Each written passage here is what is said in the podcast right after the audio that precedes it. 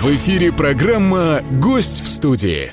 День добрый, уважаемые радиослушатели. В эфире программа «Гость в студии». Меня зовут Сергей Каратеев. И в ближайшие минуты на волнах радио Алиса Плюс мы поговорим о Центре молодежных инициатив «Навигатор», который уже не первый год работает в нашем городе. И чем он занимается, мы узнаем с вами в ближайшее время. У нас в студии сегодня руководитель молодежного центра Александр Комаров. Саша, привет. Сергей, здравствуй.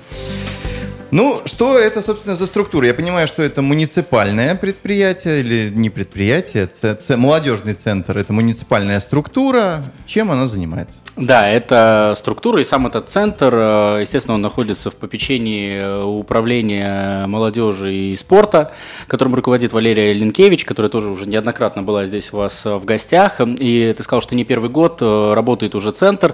Это так, но в том виде, в котором он работает сейчас, после такой, мы называли это перезагрузки этого центра, он существует примерно полгода немножечко новое направление мы ему придали, его функциям, его существованию, и э, судя по этим прошедшим шести месяцам, Получилось это сделать достаточно успешно, и самая главная задача этого центра – это, конечно, привлечение молодежи, и не зря он называется инициативным центром или центром молодежных инициатив, э, главная задача которого – это чтобы молодежь приходила к нам, во-первых, с пользой проводила там время, находили новые какие-то знакомства. Ну, это как дом творчества и, какой-то или что? Э, отчасти, да, отчасти, да. Но самая главная цель – это чтобы направить молодежь к реализации их вот различных инициатив. И неважно, в чем они заключаются. Кто-то хочет какой-то концерт организовать, кто-то хочет научиться, не знаю, театральному и актерскому мастерству. То есть отсюда и название центра навигатор. Его, кстати, со, сами молодые ребята и придумали, э, потому что они знают, куда они хотят прийти, какой цели, но не знают как. И вот наш молодежный центр выступает таким своеобразным навигатором. То есть, если кто-то хочет, э, например, э, актерскому мастерству обучиться или поступить э, в театральное какое-то учебное заведение, как у нас уже было, например, в этом году. Вот, к нам приходили молодые, молодые ребята, мы находили педагога, который может с ними позаниматься, им, их готовили к вступительным экзаменам, и они успешно поступали на актерский курс.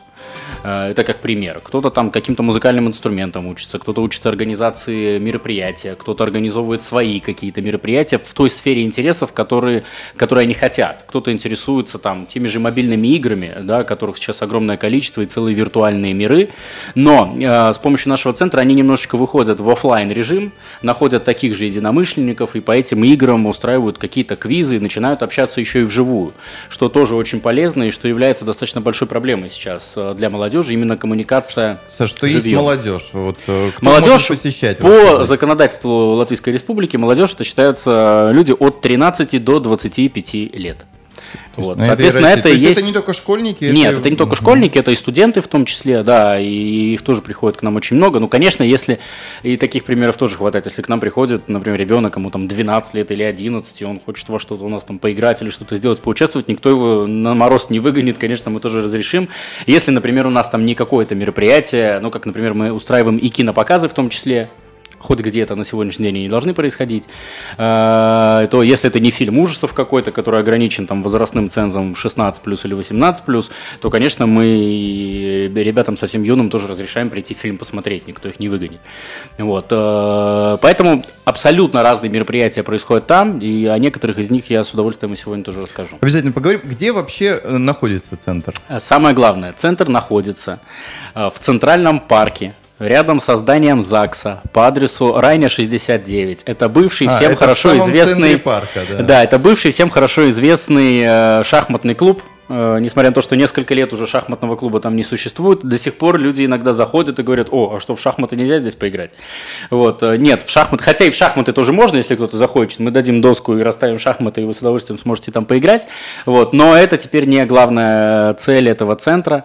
Вот, э, его, скажем так, полномочия расширились. Сколько молодежи сейчас посещают центр?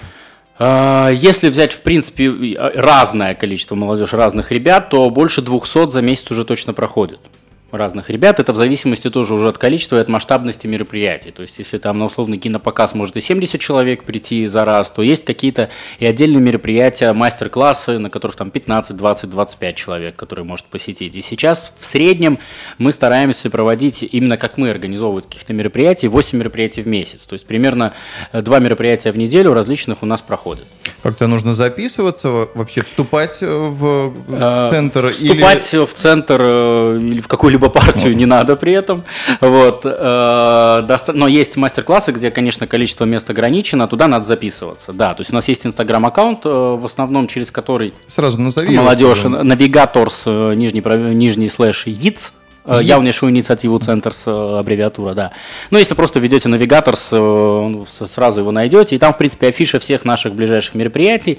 И регистрация там же в директе на все наши мероприятия, которые требуют регистрации. Это э, различные турниры, мастер-классы и так далее. Ну, на кинопоказы или на какие-то концерты мы регистрацию не устраиваем, потому что, ну, в принципе, пока людей вмещается. Хотя на последний, по-моему, на рождественский концерт э, больше 80 человек у нас было. Ну, это такой уже такой э, предел для этого помещения, учитывая, что там 100 квадратных метров э, сам зал, поэтому ну, бесконечное количество людей, конечно, мы вмещать тоже там не можем. Ну, в принципе, я смотрю вот в вашем инстаграме, что вы работаете каждый день. А что вы делаете каждый день? С 4 до 8 вечера? Да, мероприятия там не каждый день. И, кстати, возможно, что с этого года в ближайшее время время работы центра увеличится, потому что спрос растет спрос желающих его посещать и что-то там делать растет, поэтому, возможно, его время тоже изменится в большую сторону, и, возможно, даже добавятся еще выходные дни, потому что пока с понедельника по пятницу он э, функционирует с 4 вечера до 8 вечера, Э, что мы там делаем каждый день?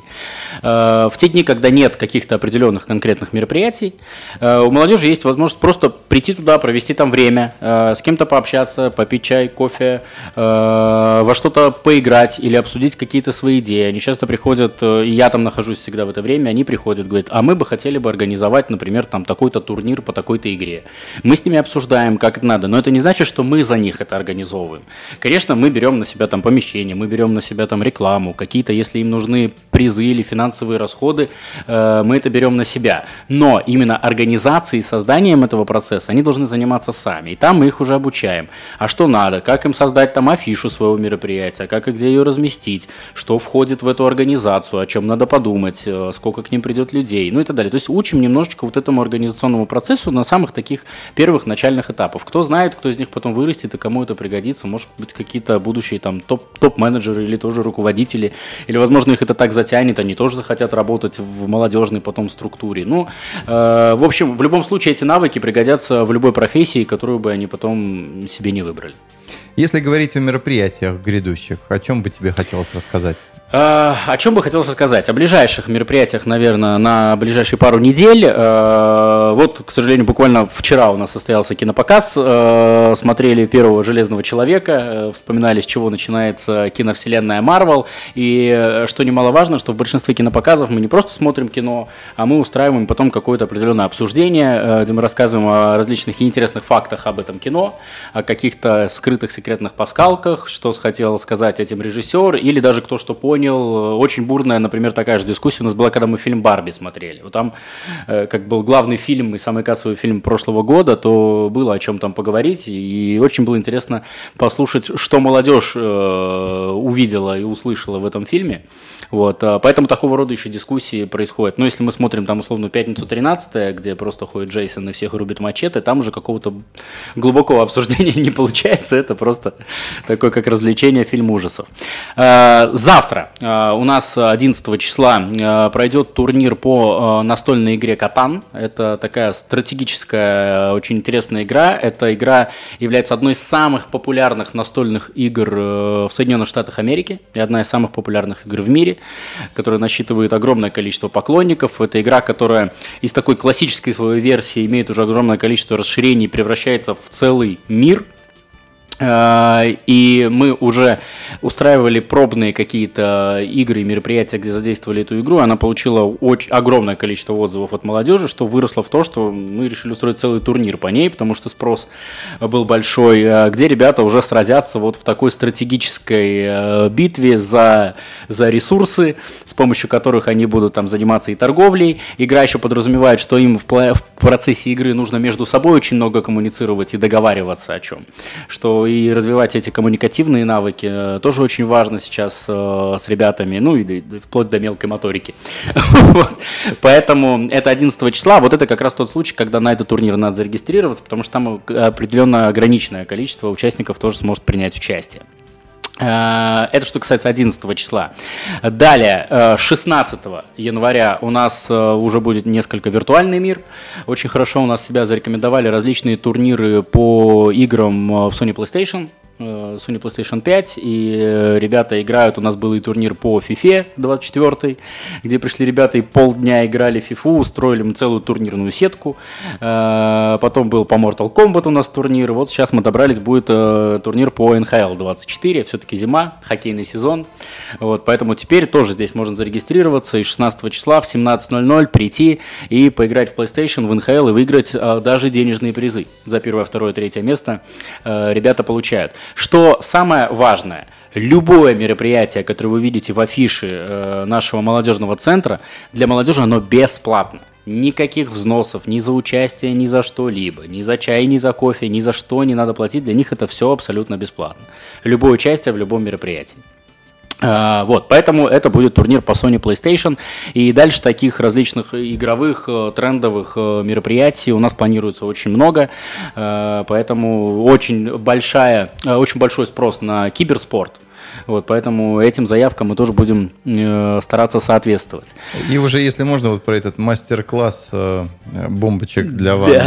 Я вообще не удивлен, что именно об этом ты сейчас спросил, потому что буквально э, вчера мы разместили рекламу об этом мастер-классе, и директ просто взорвался в Инстаграме Я, как отец двух девочек, знаю, сколько стоит каждая эта бомбочка и какой расход этого материала. Да, значит, мастер-класс э, будет проведен по изготовлению начнем с этих бомбочек.